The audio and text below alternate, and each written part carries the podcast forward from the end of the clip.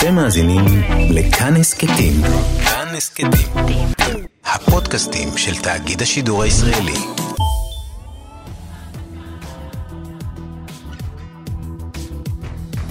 עכשיו בכאן תרבות, מכת דם, עם מאיה סלע ויובל אביבי. שלום, אתם מאזינים אה, לכאן תרבות. בדרך כלל אנחנו מה שכרוך. היום אנחנו בספיישל מכות מצרים. אנחנו פותחים את הספיישל עם המכה הראשונה, דם. מה היה הסיכוי שיהיה אנחנו שנדבר על דם? כך מכת דם מתוארת בספר שמות. ויאמר אדוני אל משה, אמור אל אהרון, קח מטך ונטה ידך על מימי מצרים, על נהרותם, על יאוריהם ועל אגמיהם, ועל כל מקווה מימיהם, ויהיו דם, והיה דם בכל ארץ מצרים, ובעצים ובאבנים, ויעשו כן משה ואהרון, כאשר ציווה אדוני. וירם במטה ויח את המים אשר ביאור לעיני פרעה ולעיני עבדיו, ויהפכו כל המים אשר ביאור לדם. והדגה אשר ביאור מתה, ויבאש היאור, ולא יכלו מצרים לשתות מים מן היאור, ויהי הדם בכל ארץ מצרים. הדם, מקור החיים, יכול להיות דבר רע ביותר, ועל כן אנחנו נדבר היום על דם רע בספרות. קרבות המשוררים וקרבות הסופרים, הקרבות שלהם אלה באלה, מלחמת הדורות ומלחמת הנוסחים, אבל גם הדם הרע מול מבקרי הספרות, שנואי נפשם, וכמובן, הדם הרע שישנו באקדמיה, קודקוד חשוב במשולש האהבה-שנאה הזה של הסופרים, המשוררים, המבקרים, האנשים עם התקן, המשרות. ומחקר הספרות. נכון. בקיצור, כל הדברים שבאים לידי ביטוי, בביטוי הנקי משהו, קנאת סופרים תרבה חוכמה. האם היא באמת מרבה חוכמה? האם היא באמת גורמת לכולם לגדול ולהשתכלל לקנאה? והאם בכלל מדובר רק בקנאה? אתה יודע, לפעמים אנשים תוהים על מה כל המהומה שם אצלכם בעולם הספרות. שואלים אותי את זה לפעמים. אז דעו לכם אה, שלעיתים אדם הרע מייצג דברים ממשיים שאינם קנאה בכלל, אלא מדובר פה בחשיבות הרבה שנותנים כל הצדדים במשולש למלאכה שלהם. אה, אנחנו נדבר על הדברים האלה עם המשורר, הסופר, המבקר, העורך והמוציא לאור של כתב העת, הווה להבא. אני אדבר איתו על דם רע בין משוררים, אה, מהנאצות של נתן זך באלתרמן. ועד למטען הנפץ המדומיין שהונח במשרדי כתב העת הליקון, אה, שהוא אחראי להנחתו שם, כך, כך אומרים. ספוילרים. אה, נדבר גם עם מבקר הספרות והסופר ארי גלסנר על שנאת הסופרים למבקרי הספרות. מקרה מבחן, סיפור אדם הרע בין הסופר סמך יזהר למבקר הספרות האגדי ברוך קורצווייל. נדבר גם עם הסופר מתן חרמוני, שספרו האחרון, שפילפוגל, שפילפוגל, עסק בדם רע בחוג לספרות. Uh, אנחנו נשאל מה הולך שם אצלם באקדמיה. איתנו באולפן, איתי סופרין ותמיר צוברי, שעושים איתנו את התוכנית, שלום גם לכם. Uh, ונתחיל כן. עם דוגמאות של דם רע, מרחוק, מעבר לים, אבל גם מקרוב אצלנו. יש לנו, לא חסר. מבקר הספרות והסופר אמנון אבות נפטר בשנת 2017. הוא היה מבקר אימתני. לא מעודן ולא במקרה. הוא היה לוחם בשדות הספרות, אה, לדעתי כך הוא ראה את עצמו. נכון. אה, ספרות זה לא שעשוע שאולי הצליח ואולי לא, וזה לא חשוב, ואפשר ככה ליד וכזה, לא. ספרות זה חשוב, הכי חשוב, ומי שכותב ספרות לא טובה פוגע בספרות ובציבור. כשהוא נפטר, כתבה מבקרת הספרות תלמה אדמון על ההוראות שקיבלה מהעורך שלה, משה בן שאול, באשר לעבודה עם אה, אמנון אבות, וכך היא כתבה. כשאמנון אבות יגיע, אמר משה בן שאול, תיקחי ממנו את הביקורת ותמחקי ממנה את כל הקללות. בן שאול, זיכרונו לברכה, היה אז אורחו של המוסף לספרות של מעריב. כעוזרתו החדשה הגעתי לחדרו הדחוס בספרים ובמזכירה בתחילת שנות ה-80, ולא היה שם כיסא נוסף למישהי, אף לא למבקר ספרות שנקלע למסדרון. בן שאול היה איש אשכולות, משורר, מתרגם, סופר, צייר, מחזאי, רחב אופקים וליברלי. הוא נתן לנבות במה, אחרי שביקורותיו חוללו מהומות בעיתונים אחרים. העורך ידע שהמבקר הזה, חריג בנוף של קליקות, מושך אש ועשוי לגרור אותו למחלוקות. בן שאול לא אהב עימותים, אך הוא אפשר לנבות להחמיר עם בכירי הסופרים העבריים. אף אחד מן הקאנונים לא ניצל מנחת שבטו של מי שכבר אז כונה נבוט. התנאי היחיד שבן שאול הציב לפני נבות היה בלי קללות. הוא הסכים והמשיך להמטיר אש וגופרית על עמוס עוז, א' ב' יהושע, דוד גרוסמן, ואף על איש האקדמיה והמו"ל, מנחם פרי. אף על איש. מנחם פרי היה היה האויב הגדול. האויב הראשי, כן. עד שהגעתי למערכת המוסף, עמל בן שאול לנקש מן הטקסטים הנבוטיים את מירב החיצים המושחזים. עם בואי, הטיל עליי את המלאכה. בלי קללות. אה, אוקיי, אז גם עורכי המוספים הספרותיים מסתבכים כמובן בגלל המבקרים שמקללים. פעם מבקרת אומנות אמרה לי, המבקרת אומנות חברה שלי אמרה לי, אה, איזה כיף לכם, הריבים בעולם הספרות הם הרבה יותר טובים מהריבים בעולם האומנות, כי לפחות בעולם הספרות אנשים יודעים לכתוב. אז אה, כן, אם הביקורת היא לא על הראש שלך, זה בהחלט יכול להיות גם מהנה. אה, כל אדם הרז, אה, אתה יודע, אנחנו יכולים, אני קוראת לפעמים את הביקורות של יהודה ויזן, אפרופו אה, לקלל, ואני מ, אני קוראת את הביקורות, וזה מאוד מצחיק אותי ואני מאוד נהנית, כי הוא מאוד נכון. משעשע. אה, רק, זה משעשע אותי, כי זה לא עליי. אם הוא היה כותב את זה עליי... אם מושא הביקורת יכול להיות שזה היה קצת פחות נעים. בדיוק, אני מחכה ליום שבו אני אחטוף ממנו, ואז נראה כמה זה משעשע. אה, יש לי תחושה שאת תהיי בסדר. תלוי מה, תלוי. תשמע, כשזה עליך זה לא מצחיק, אף אחד לא גיבור. אה, אבל אנחנו חיים בעידן שבו כל העניין הזה הולך ומתמעט, בוא נודה בזה, כולם כל הזמן מחבבים ומתחבבים, מפחדים היום מדם רע. בשנת 2013 אמר המבקר ועורך מדור הספרות של ה-New Republic, אה, ליאון ויזלטיר לעיתון הארץ ככה: אף אחד לא רוצה ליצור לעצמו אויבים, כולם כל הזמן עושים לייק ומציעים חברות, וזה מעוות את החיים הפרטיים. לא מזמן כתבתי מאמר תגובה קטלני על מאמר שכתב עורך של עיתון מפורסם. המאמר הרגיז אותי וזעזע אותי, אז כתבתי משהו קטלני. וקיבלתי ממנו אימייל שבו הוא משבח את מה שכתבתי. אמנם הוא לא מסכים איתי, אבל הוא רוצה שאני אדע שזה היה כתוב נפלא. וזה היה מצחיק ומעניין, אז כתבתי לו בחזרה, מה בן אדם צריך לעשות כדי ליצור לעצמו אויב? כולם רוצים שיחבבו אותם, ולכן כל השבחים האלה הם חסרי ערך, חסרי חשיבות. אם אין ביקורת, אז גם השבחים, השבחים לא שווים כלום. בדמוקרטיה שחיה על דעת קהל, על דעות של בני אדם, שיפוט ביקורתי זה המהות.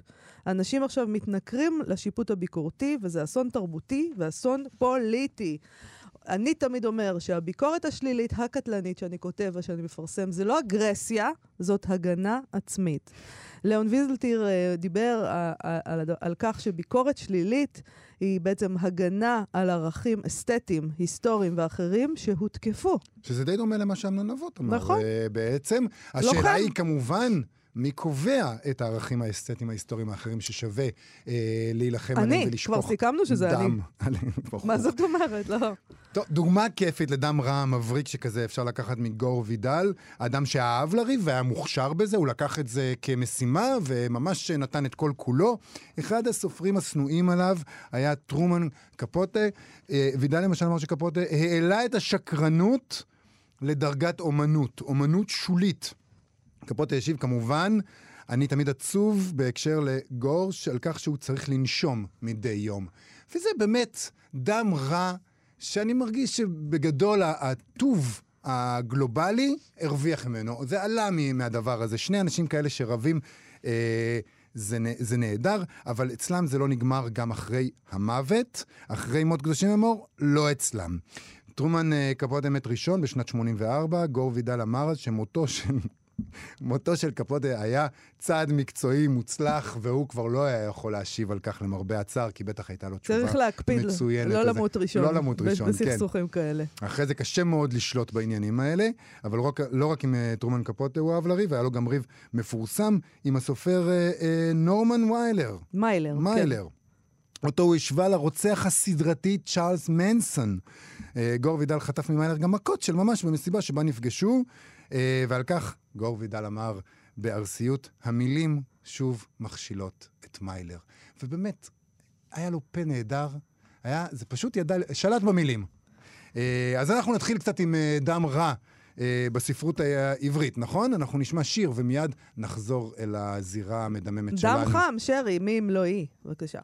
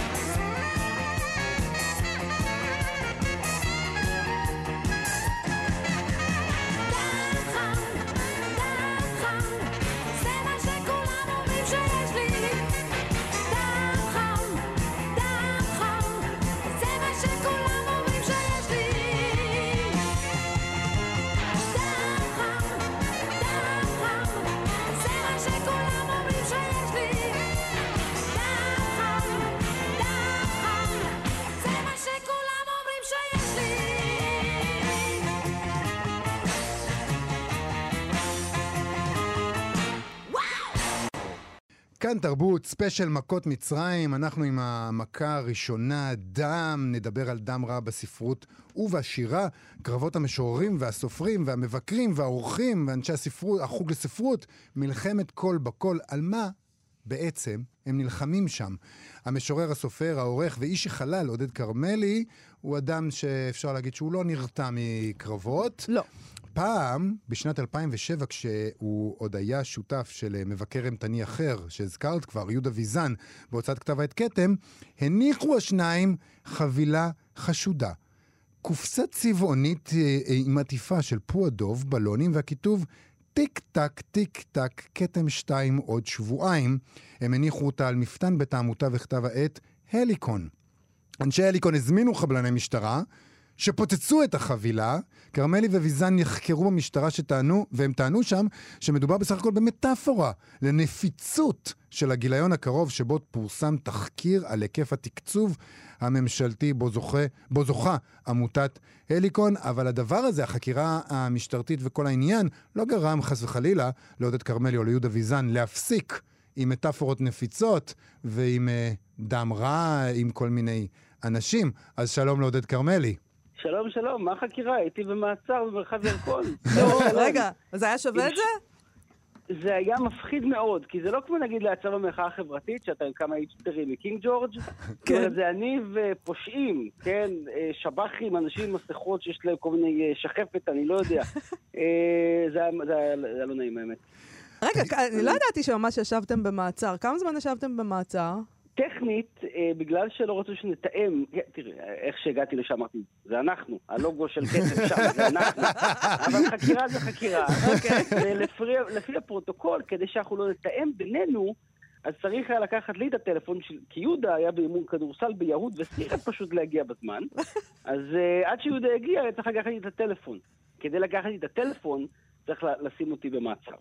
כך ירדתי לצינוק של מרחב ירקון. אוי ואבוי. כן, זה היה אה, אה, לא נעים, והיה שם איזה מישהו ביקש מסיגריה, וצריך לזרוק לו מהקצה שיש לחדר, כי הוא היה נראה עם כל מיני...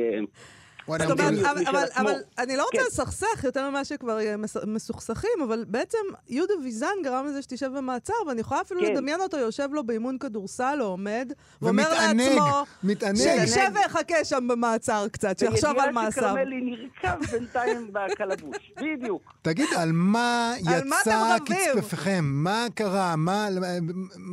מה עשו לכם, אליקון?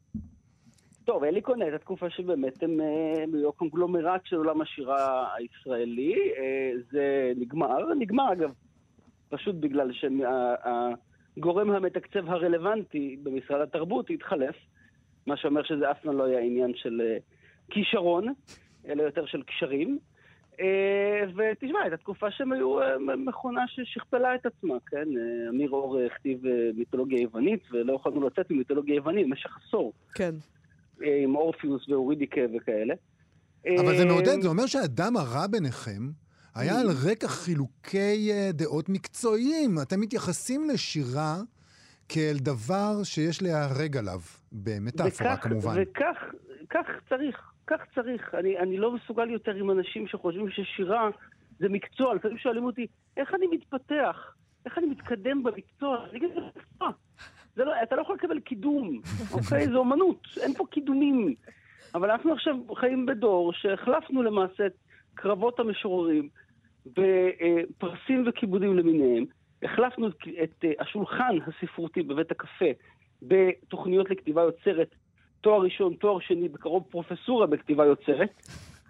אה, אני, אני לא, זה, זו אמריקניזציה, אגב, עוד לפני שאנחנו את המטען, אנחנו הכנו סטיקרים כאלה, שהיה כתוב אה, ליקוניזציה היא אמריקניזציה, ואני עומד מאחורי הדברים. Mm.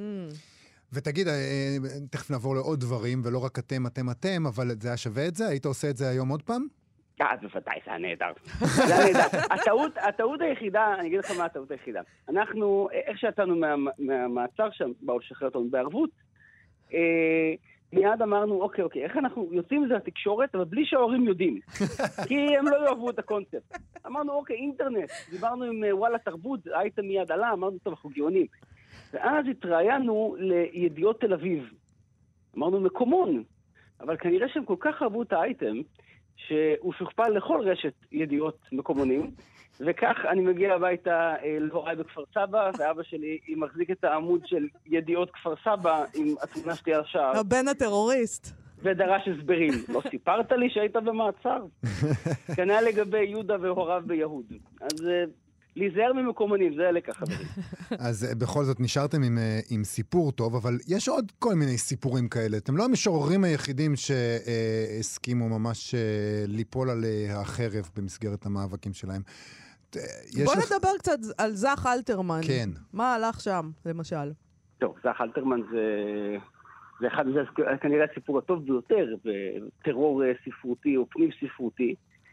אה, האמת היא שזה מעניין, הרבה אנשים חושבים שזך התחיל את הסיפור עם המאמר שלו, הרהורים, הרהורים על שירת אלתרמן, שכמובן השם הכי מכובס לקטילה מוחלטת של שירת אלתרמן.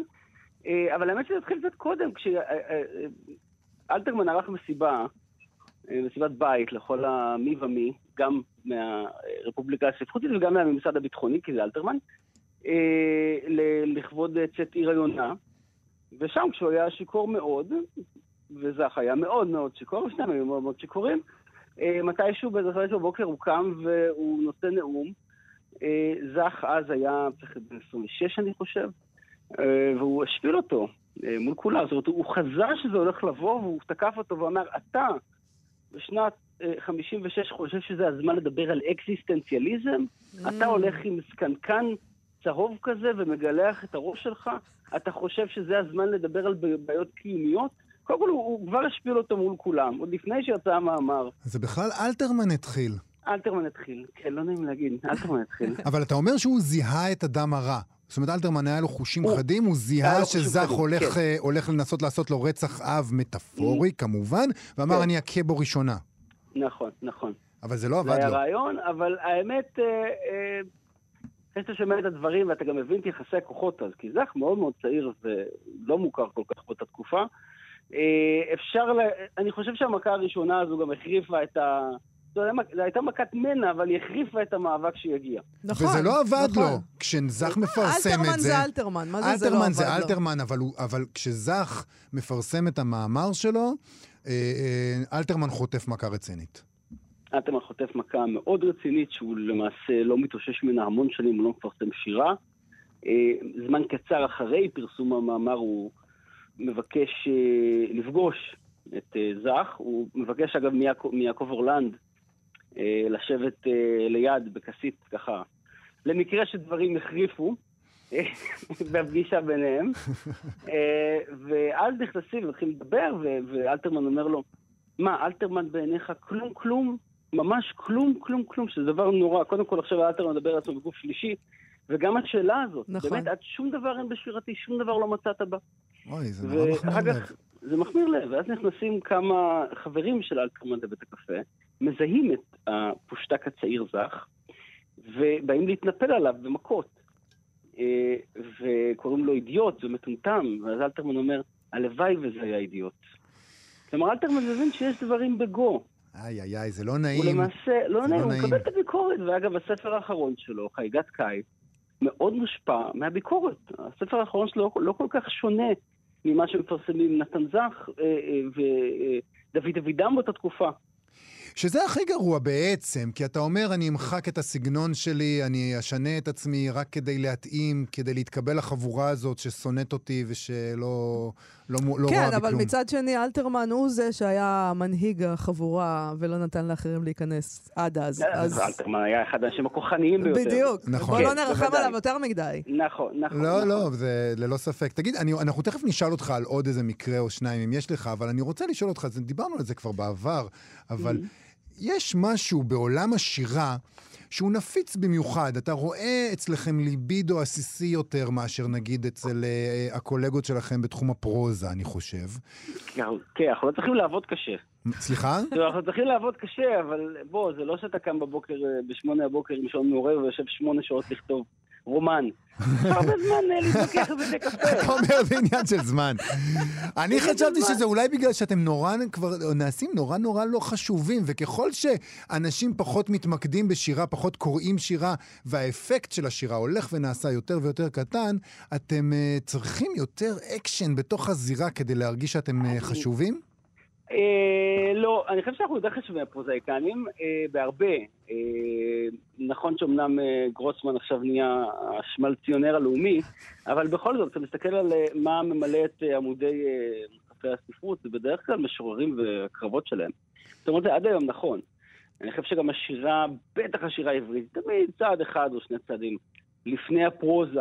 שוב, יש לנו הרבה זמן פנוי לחשוב על מה שאנחנו עושים, זאת אומרת, לחשוב על המלאכה. אה, ולחשוב על האידיאולוגיה מאחורי הדברים, ולא רק לעבוד על בניית דמות ובניית עלילה.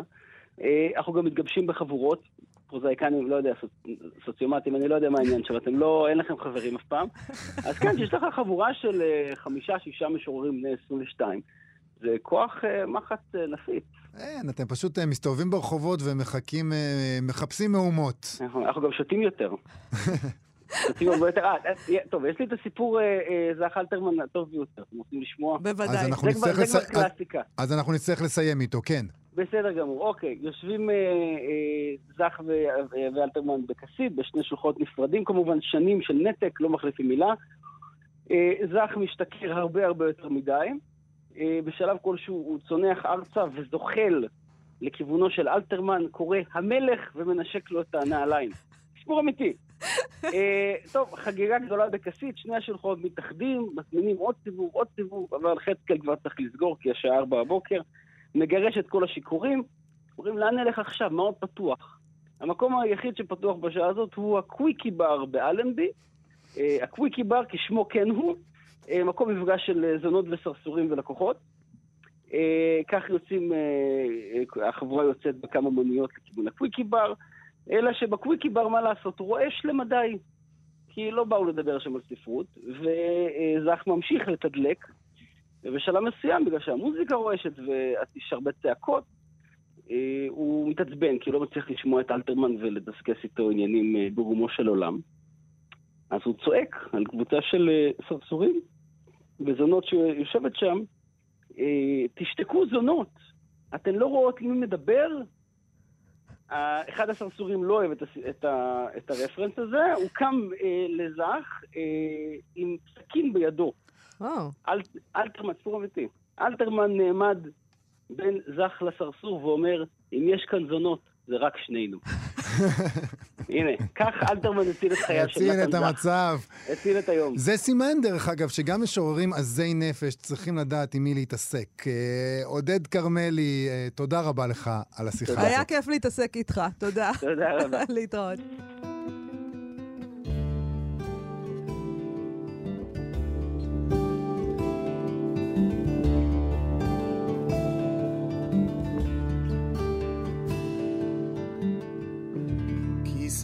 סערת עליי לנצח הנגנך שער חומה עצור לעכשיו אציב דלתיים.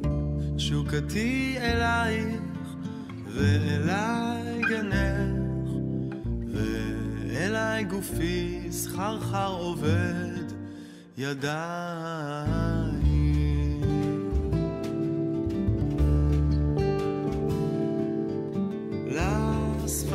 את החטא והשופטת פתאום מתלעד עיניי בחלומות את ברחוב לוחם שוטט שקיעות של פטל תעלמי אותי לאלומות. אל תתחנני אל הנסוגים מגשת, לבדי אהיה בארצותייך, אלך תפילתי דבר איננה מבקשת, תפילתי אחת והיא אומרת אלך.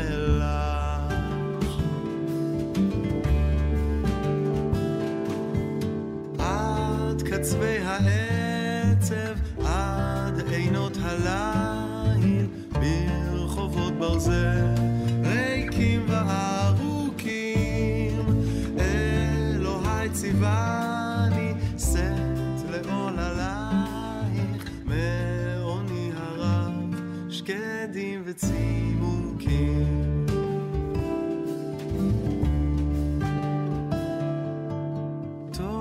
שאת ליבך ידך לוכדת, אל תרחמיהו באויפו לרוץ, אל תניחי לו שיאפיל כחדר בלי הכוכבים שנשארו בחוץ.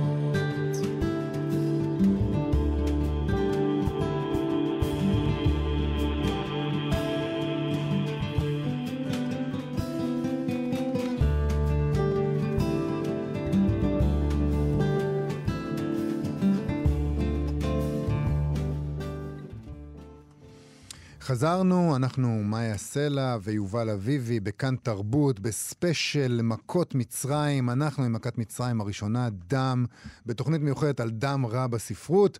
וכשאנחנו מדברים על דם רע בספרות, לא נשכח את המבקרים השנואים. הסופר והמבקר, דוקטור ארי גלסנר, עשה את עבודת הדוקטורט שלו על ביקורת הספרות בישראל. שלום לך, ארי גלסנר.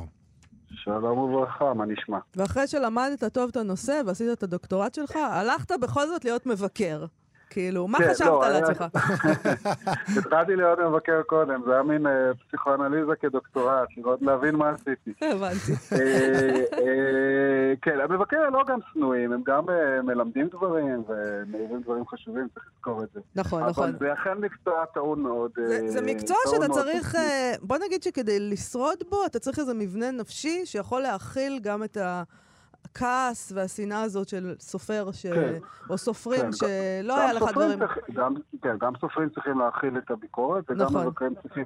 כן, יש יסוד, אני לא רוצה להיתמם, אני חושב שיש יסוד תוקפני מובנה ב, ב, במשלח יד הזה, כן, אבל אם זה רק זה, אה, אז אתה לא מבקר חשוב ומעניין. אבל יש איזה יסוד אנטגוניסטי, אה, ו- ו- ו- אה, נקרא לזה, חוש ביקורתי, כן? כן. ש- שנלווה מן הסתם למקצוע הזה, והוא מעורר, מעורר הרבה אמוציות, ו... ולפעמים גם מבקרים שוגים, גם את זה צריך לזכור, הרבה פעמים גם צודקים, וגם את זה צריך לזכור. אה, ואני יודע, כמבקר קשיש, מקשיש, אני אומר, צריך, צריך אה, לנסות לעשות את מלאכתך נאמנה, ו... אבל כשלא צריך, מה שלא צריך, לא הכרחי, פגיעה שלא הכרחית לאמירה שלך, צריך... אה, אה, תוותר למ- עליה. כאילו, לוותר עליה, כן. כן. אבל הרבה לפעמים זה, לפעמים זה לא... לומד- אה, לומדים את זה עם הזמן, בהחלט. אני לפעמים קוראת דברים שקראתי... אני- כן. לפעמים אה, קוראת דברים שכתבתי לפני 15 שנה, ביקורות, כן. ובאמת, אני אומרת לעצמי, מאיה, מה קורה? מה נסגר איתך? אבל אסור לתת לאנשים אה, בגיל 30 לכתוב, אני חושבת. צריך לחכות שהם יגדלו אה, קצת. כן, אבל יש גם חשיבות לזה. כלומר, החוכמה שנרכשת והמתינות שנרכשת עם הגיל, לפעמים זה גם אה, סוג של... זה לא קונפורמיזם אצל אנשים רציניים, אבל זה סוג של התמתנות שלפעמים יש לה גם צדדים שליליים. כלומר, יש גם חשיבות לרעננות וכולי, אבל זה נכון שהרבה פעמים אנשים צעירים גם לא מבינים את הכוח של הפגיעה שיש בזה, ואת זה הם לומדים עם הזמן. אה, אה, אנחנו מדברים על מבקרים, אני, אם זה בסדר, אני רציתי לפרוס בפניכם אה, אחד מהסיפורים הגדולים ביותר בעיניי, דרמטיים ביותר בעיניי, של יחסי מבקר-מבוקר בספרות הישראלית. אפשר? כן, בטח, בטח, ברור. אנחנו רוצים מקרה מבחן. כן, מה מה את אומרת? מקרה מבחן. יחסים, כן. כן. אני, אני, זה הסיפור של סמך יזהר וקורצווייל, שממש לאחרונה, ב, לפני שנה נדמה לי, יצא הכרך השני של אה, ניצה בן ארי, של הביוגרפיה של סמך יזהר, והיא פורסת, זה סיפור די לא ייאמן, והוא דרמטי, ובמיוחד בגלל שאלה שני אנשים מאוד מאוד מוכשרים, קורצווייל ויזהר, היא פורסת את מלוא הסיפור שלא הייתי מודע אליו, ואני חושב שזו פעם ראשונה בעקבות הביוגרפיה הזאת, אה, הסיפור הזה נפרס, שהסיפור, הסיפור המרכזי זה הביקורת הקטלנית של קורצווייל, אה, מתח על אה, ימי ציקלג ב-1958, אבל הנקודה היא שקודם כל סמך זה היה הרוס, מהביקורת הזאת. כן. וזו ביקורת שבעצם שלחה אותו פחות או יותר ל-30 שנה של גלות ספרותית, כלומר שהוא לא כתב אה, יצירות או יצירות אה, למבוגרים. אה, ולא רק זאת, שסמך יזהר, שכל כך היה מעורער, ויש, היא מביאה בביוגרפיה משפטים שהוא הוא, הוא העלקה את עצמו בעקבות הביקורת, והוא אומר, היא מביאה שם ציטוטים שהוא אומר, הלוואי והיה לי עורך כמו מקסואל פרקלס של תומאס וולף, שהיה מסדר לי את ימי ציקלג וכולי, אבל בעצם 30 שנה הוא גם פנה לקריירה אקדמית כדי לי- להרגיש שהוא יכול להתמודד עם קורצווייל בכלים האינטלקטואליים שלו, כלומר הוא ממש שינה את חייו, שינה את חייו אה, בעקבות הביקורת, שתיקה של, אה, של שלושה עשורים, אה, פנייה לדוקטורט כדי, אה, כי הוא הרגיש רגשי נחיתות מול ה- הידע האינטלקטואלי של קורצווייל. ואולי אולי גם נרמז בביוגרפיה הזאת של ניצה בן ארי, שפנייה מהספרות אל הנשים, הנשים, כן? הוא היה מנהל, אה, הוא היה, היו לו אה, עשרות אולי של רומנים, וזה אולי באיזה ייאוש מהספרות, ופ- כלומר, זה דרמה ענקית, והיא התחילה מאוד מאוד מוקדם, כלומר, והיא גם דרמה עקרונית. כלומר, אני אגב לא מסכים עם קורצווייל, אני מאוד מאוד אוהב סמך יזהר באופן כללי ואת ימי ציקלג אה, גם באופן ספציפי, אבל יש כאן גם מאבק מהותי מעבר לדרמה האנושית הגדולה, שתכף אני אוסיף עוד כמה פרטים עליה. יש כאן גם מאבק עקרוני, זה המאבק בין צבר לבין יהודי, בין התרבות הגרמנית, אה, יהודי גלותי לצורך העניין, מאבק בין חילוני, בין איזו התגלמות של החילוניות לבין יהודי דתי, שהיה קורצווייל, והביקורת עצמה, אגב, של קורצווייל היא נוגעת בדיוק בזה. כלומר, קורצווייל אומר, הלוחמים האלו בימי ציקלג, אין להם מודעות היסטורית, אין להם עומק היסטורי, מזלזלים בזה שזה ציקלג המקראי, ולא משנה, סמך יזהר עשה את זה בכוונה, זה גם כן. חלק מהחוזקות, זה אני אומר, של ימי ציקלג, שהם מזלזלים בזה שדוד המלך התהלך כאן אה, וכולי, אבל יש לקורצווייל גם כמה טענות מעניינות, הוא אומר שאין שם הצטברות לאורך האלף מאה, הוא כל הזמן חוזר על האלף מאה שלושים וארבע או אלף מאה ארבעים ושלושה עמודים, כל הזמן חוזר על זה, כמה זה מעייף לקרוא את זה וכולי. אין דמויות אינדיבידואליות, זו הטענה של קורצווייל בביקורת, אבל בעיקר בעיקר זה באמת המאבק בין הוגה דתי ביסודו, שאומר, הדמויות האלו הן חיות רק את ההווה, הן לא מרגישות את כובד ההיסטוריה, לכן אין כאן אפוס ש, שמראה את משך הזמן וכולי. יש כאן מאבק אמיתי בין, שני, בין שתי תפיסות עולם מעבר לדרמה האישית. אבל צריך להגיד, שמעניין- צריך להגיד שקורצוול כותב את הביקורת הזאת, כי יש לו דם רע מוקדם אה, זהו, על סמך זהו. יזהר.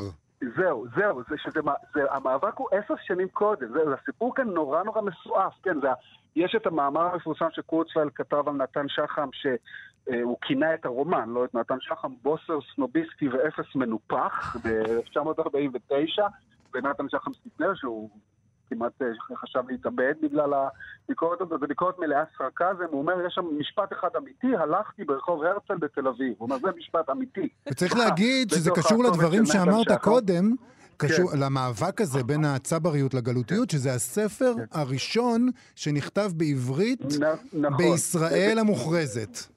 נכון, נכון, וזה, וזה גם המאבק של קורצווייל נגד הפלמ"ח ונגד הציונות הסוציאליסטית, כלומר וגם אולי גם עניין, אה, ניצה בן ארי טוען את זה, אני לא יודע, זו טענה שלה, שהיה גם עניין חשבון אישי מול אליעזר שטיימן, אביו של נתן Mm. שחם, שהפריע לקורצווייל, כי גם הוא היה רב. אז עוד איזה אינטלקטואל אה, רבני שהפריע לו, ויזהר השיב ב-1949, נדמה לי, השיב במאמר כנגד המאמר הזה של קורצווייל על נתן שחם, ויש שם גם משפט מאוד יפה, אני קורא שוב מהסמך יזהר סיפור חיים של ניצה בן ארי, הוא כותב כביכול לקורצווייל בעיתון, יכול אדוני המבקר שתהיה דעתך על יצירה ספרותית בוסרת ככל שתהיה, בוסרת הכוונה אה, שלילית, יהיו לך כנגדה אלף טענות ובנות טענות, רק אל נא תשכח שהספר מונח לפנינו וגם אנו יודעי קרוא. ככה משיב לקורצווייל, וקורצווייל ב-1954 אגב, שכחתי לומר שקורצווייל, הדעה שלו הייתה אוהדת על סמך יזהר קודם לכן, וב-1954, אחרי התשובה הזאת של אה, סמך יזהר, הוא שב ומשבח את יזהר על יצירות מוקדמות אה, לימי ציקלג. אה, אבל אז מגיע 1958, וכמה שבועות לפני זה, זה ממש דרמה גדולה, כמו שניצה בן ארי מתארת אותה, היה, הייתה מסיבת יום הולדת 70 לעגנון. סמך זר היה שם וקורצווייל היה שם, וזה כמה שבועות לפני פרסום הביקורת, וקורצווייל אה, בסרקזם שם בנאום שלו אומר, אה, בזכות עגנון נכנסתי לתוך הספרות העברית, ואז הוא אומר בקול סרקסטי מעיין, יכול להיות שנמצאים כאן אנשים שמצטערים על זה. על זה שנכנסתי לספרות העברית, אז אינני יכול לעזור להם. הנני עובדה. כלומר, הנני עובדה. אני, אני עובדה, ואז נוחתת הביקורת הזאת ש...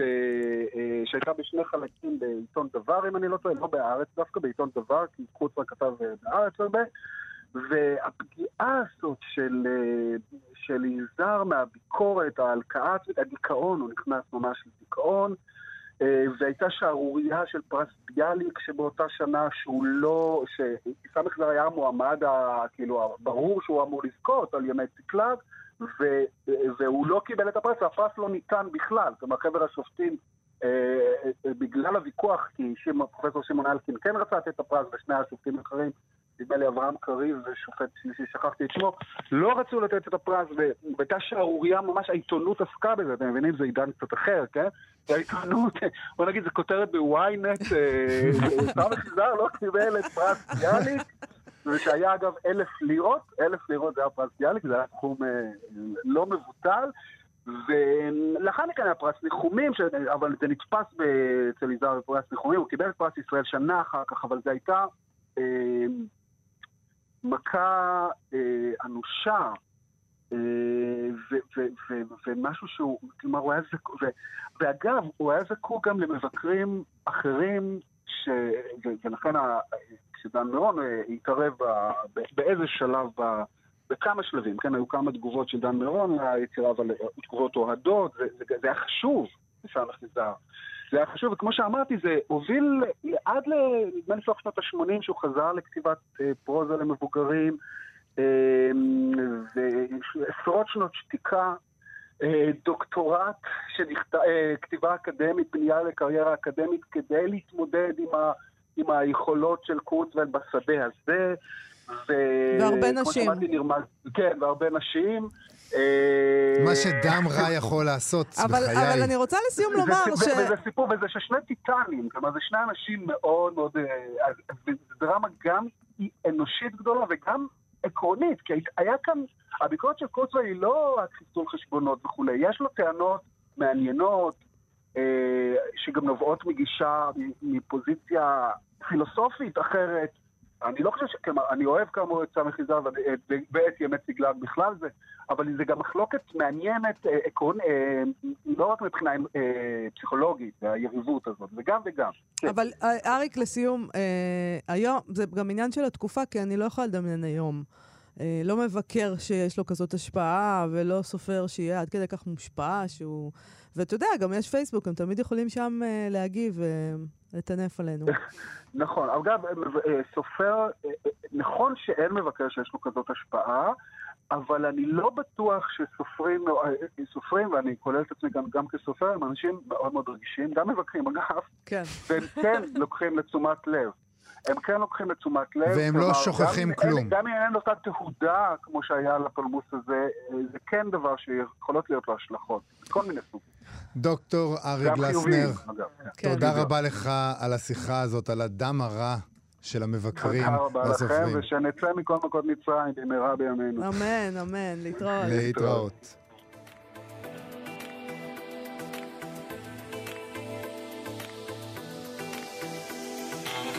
אני עומד על החומה, עומד בגשם לבדי וכל העיר העתיקה. מונחת לי על כף ידי, אני מביט במאוהב. אני עולה לכאן תמיד סתם להביט, אבל עכשיו אני נמצא כאן בתפקיד. אבל עכשיו אני נמצא כאן בתפקיד. כן, כן, מי חלם אז בכיתה, כשלמדנו לדקלם על חומותייך,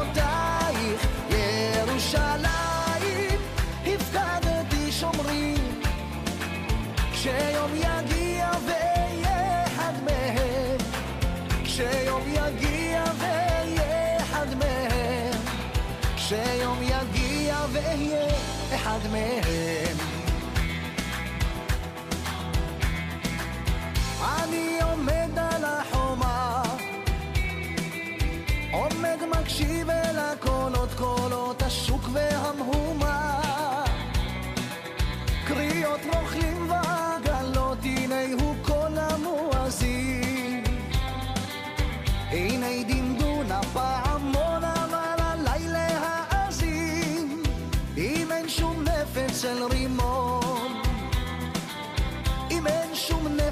של רימון. כן, כן, מחלב אה, שומר החומות, ליאור פרחי, חזרנו כאן תרבות ספיישל מכות מצרים, ואנחנו עם מכת מצרים הראשונה, דם. בתוכנית מיוחדת על דם רע בספרות, אחד מהקודקודים החשובים של משולש הספרות הוא הקודקוד של האקדמיה, החוגים לספרות, ואוהו, כמה דם רע שיש שם. הסופר מתן חרמוני כתב על כך בספרו שפילפוגל שפילפוגל, אה, ונדמה לי שהוא גם מכיר את זה על בשרו. שלום מתן חרמוני. שלום, שלום. אהלן, בעצם הקרבות שם באקדמיה, אה, הבסיס שלהם, זאת הטענה שלי, תגיד לי מה אתה חושב, אה, הבסיס הוא קודם כל בסיס כלכלי. אתה יודע, בעוד שמשוררים וסופרים ומבקרים מתקוטטים ביניהם על נוסח, או, או סתם על בנות אישיים, ב, או, או, יש עניין אידיאולוגי בספרות, אם אנחנו כותבים ככה או, או ככה, ובאקדמיה אה, זה תקן, החיים עצמם, רבים על האוכל. אה, זה לא בדיוק ככה, כי דווקא הריבים היותר גדולים, אני חושב, הם בין אלה שכבר אה, אה, קיבלו את התקנים, קיבלו את המשרות, ואז יש להם זמן להתפנות ולהתחיל אה. באמת לריב. את יודעת, ריבים כאלה אה, נחמדים וטובים. עכשיו, אגב, אני חייב להגיד שאני לא כל כך נגד דם רע. אני לא חושב שזה דבר שהוא כל כך נור, אה, נורא ואיום. אני חושב שזה ריב טוב, פעם אחת לאיזה זמן, זה משהו שצריך אה, צריך להתרחש. נכון, מסכימה איתך, אבל על מה. אז על מה הם רבים אבל בעצם? אנשים, אה, אגב, הם גם, יש להם את המקום הכי, מבחינתי לפחות, אה, בסיטואציה כמו שאני רואה את זה, המ- המקום הכי נחשק הזה, שאתה בטוח כלכלית, קודם כל. אתה יכול להגיד עכשיו מה שאתה אתה רוצה. יש לך את המשרה, יש לך את התקן, באמת, חלום, חלום חיי. זאת אומרת, לא זה שם, מה שהוא אבל... אומר, עכשיו יש להם זמן לריב. כן, אבל זה לא ממש מדויק, כי הרבה אנשים שנאמר באוניברסיטה, בין אם זה בתחומי הספרות ותחומים אחרים, אז אתה יודע, אתם מגיעים לרמה מאוד מאוד גבוהה מבחינה מקצועית, והם לא אנשים עשירים. אוקיי. ואז פתאום יום אחד הם מתעוררים בגיל 60 נניח, 65, רואים את כל החברים שלהם שהיו הרבה, לא היו משהו כמוהם, כן? פתאום הם אנשים עשירים והם אנשים לא עשירים. כן. אה, מסודרים, כן, לא צריך לדאוג להם, לא צריך זה, אבל זה לא, זאת אומרת, זה אנשים שהגיעו להישגים מאוד מאוד רציניים, ולא לא, לא קיבלו אה, ביטוי כלכלי ל, לעניין הזה. אה, אבל אני יותר חושב שזה עניין של דור. אני רואה את הדור, ש... אה, את הדור שלי, שעכשיו אה, עובר קדימה ב... ב... באוניברסיטאות, ו... אה, פחות יש להם את העניין הזה. של מה, של? המריבות? פחות- פ- של מריבות, אה. כן. זאת אומרת, אתה אומר את זה אה, בצער. אני אומר את זה קצת בצער, כן. אה, לא, אני, שמח על החילופי דורות, האמת, אני מאוד שמח. וחוץ מזה, מעבירים את שרביט המריבות לתחומי השירה והספרות. שם אה, זה יותר מעניין, אני חושב. אז בוא נדבר קצת על... בוא נדבר קצת על ספרות גם, כי אתה לא רק אה, סופר בעצמך, אלא גם חוקר של ספרות ומומחה לספרות יידית. ואני כן, מניח כן, שביידיש כן. כל המריבות האלה נשמעות יותר טוב. אה, אתה יודע משהו? אה, כן, כנראה, זה, התחיל, הרי כל ספרות יידיש המודרנית התחילה בעצם עם איזה ריב איום ונורא בין שלום הלחם וסומר. נחום מלכיאביץ' מי שהיה אה, אבי ספרות השינג, שבוע סופר נפלא. הוא פשוט לא התאמץ יותר מדי. זאת אומרת, הוא כן התאמץ, אבל הוא התאמץ כדי לכתוב, אה, כדי לכתוב אה, שבעה רומנים בשנה, כי היו, היה קליינטל, ו, אה, ושלום הלחם כתב אחד המאמרים הידועים ביותר של שלום הלחם, הוא לא כתב הרבה מאמרים, הוא כתב שהיו דברים שממש עצבנו אותו, כמו מדינה יהודית וכאלה דברים, ושומר. כתב משפט, אה, אה, מאמר שנקרא משפט שומר, ושם הוא אמר ששומר הוא אה, יותר גרוע מרוצח, רוצח רוצח את הנפש אחת, ושומר רוצח את כל העם. כן, עכשיו באמת, סופר יוצא מן הכלל, כתב לפחות 500 רומנים ביידיש, 50 בעברית, סליחה, 20 בעברית, 50 מחזות. היה פורה מאוד. והיה לזה איזה תגובה? היה לזה איזה... ברור. זאת אומרת, כל המחשבה על שומר בתוך האינטליגנציה מאז, זה על פי, זה לאור אה, משפט שומר. אנשים מנסים כאילו, אה, אה, איך נגיד, ל- ללמד עליו איזושהי זכות, אבל זה גם מבעד לטיעונים האלה של שלום עליכם. עד כדי כך זה היה ברוטלי, שמנדל, כן, אמר לו, חינו, תירגע, משהו כזה. כך רוורט. מה... תנוח. מה זה? כן. אה, אז באמת, אה, אבל אני חושב שהריבים היותר אה, יותר טובים היו, ב, היו באמת בספרות העברית, כי שם היה הרבה יותר עלבון, והיה הרבה פחות כסף. ו, וחלק, לא יודע, חלק מהעניין זה צריך צריך ושם לבן. לא, גם יש איזו תחושה אה, בספרות העברית שאין מקום. וכשאין מקום, אז רבים על המקום. כלומר, אין מקום לכל הסופרים האלה ולכל הספרים האלה. ואז אה, צריך, ל... צריך לפנות אה, עם המרפקים. להזיז מישהו. נכון, אבל אני לא... לא אה, אוקיי, טוב, אני אגיד משהו קורתי על הדור הספרותי אה, שלי, אוקיי? כן. אה, הנה, התחלנו. אה, אני חושב שהולכים, שכאילו, יש כפפות משי. אנשים, זה לא רק שהם לא רבים, אלא גם אה, לא מתבטאים כמעט אה, נגד דברים שנורא מקוממים אותם. אה, צריך, זאת אומרת, אה, אני לא מוצא מקבילה בפרוזה למה שדורי מנור עשה עם נתן זך. Mm-hmm. אף אחד לא בא ואמר, אה, אני לא מוכן יותר לקרוא את החרא הזה, אני חושב שזה עושה אה, נזק אה, מאוד רציני לספרות בכלל, לתפיסה של ספרות, אני חושב שזה מוביל לצדקנות, לא את זה אנחנו צריכים לקרוא ולא את זה אנחנו רוצים לקרוא, ויש קנדידטים לזה מהדור הקודם. נכון. אני, אני חייבת להסכים איתך, גם דיברנו על זה במהלך התוכנית, על זה שאנחנו חיים בעידן כזה של לייקים, וכולם רוצים שיחבבו וילבבו אותם, והם לא אומרים מה הם באמת חושבים. למשל, אני אגיד פה מה אני באמת חושבת. שפילפוגל, שפילפוגל, אה, שמדבר על אה, דם רע, נגיד, באקדמיה, אה, לא אה, מועמד לפרס ספיר, בגלל שהאקדמיה נוקמת במתן חרמוני. אז נסיים בדברים האלה, אני חושבת. אה, אה, נראה לי שזה יספיק, אה, ונגמר לנו גם הזמן. מה? הדברים שלך גם באים עם צ'ק, אני יודע. אין לי, אין לי, הלוואי שהייתי יכולה להעניק צ'ק חלופי, אה, אבל זה לא באפשרותי, כן. אז הנה. מתן אה, חרמוני, תודה רבה לך על השיחה הזאת. תודה רבה. עד כאן uh, מכת מצרים הראשונה, דם עם דם רע בספרות, ואולי אנחנו uh, נסיים את התוכנית עם משפט שכתב אוסקר ויילד, כל אחד הורג את מי שהוא אוהב, ועדיין אף אחד לא מת. בהמשך uh, היום, שאר מכות מצרים, אחרינו צפרדע עם uh, נדב אלפרין, מעניין לראות מה הוא יעשה עם הדבר הזה.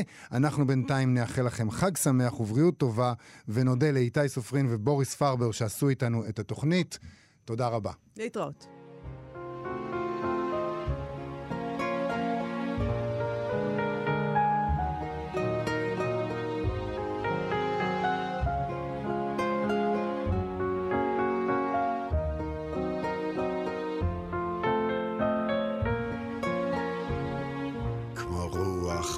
בהרים, כמו שיר בלי מנגינה, כמו רחש בברושים, כמו אש שלא כבתה, כמו הלך שחלף.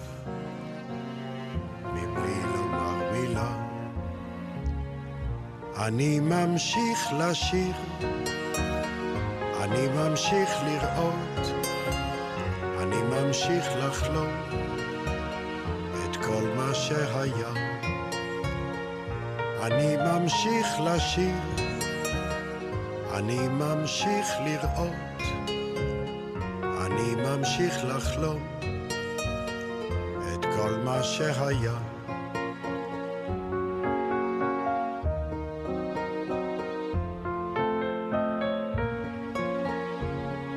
כמו ים שלא נרדם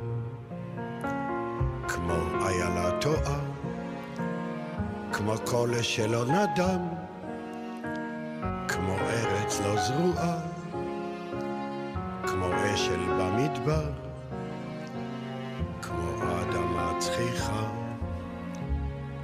אני ממשיך לשיר, אני ממשיך לראות, אני ממשיך לחלום את כל מה שהיה. אני ממשיך לשיר, אני ממשיך לראות, אני ממשיך לחלום את כל מה שהיה, כמו קיץ שנמוג על פני חלום של אור, כמו שיר שלא נאור, כמו סתיו שלא עבר, כמו מחרוז או של שיר שלא נגמר.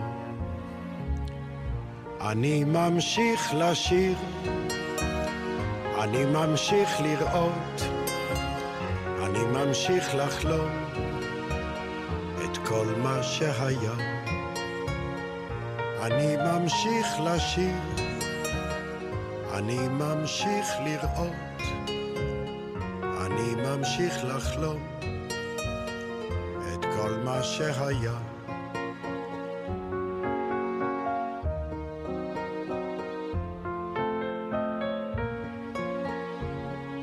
כמו נשר במדבר, כמו רחש באוויר, כמו שיר בלי מנגינה, כמו מנגינה בלי שיר, של אור שלא נבט, ממשיך לשיר. אני ממשיך לשיר, אני ממשיך לראות, אני ממשיך לחלום את כל מה שהיה. אני ממשיך לשיר, אני ממשיך לראות, אני ממשיך לחלום את כל מה שהיה.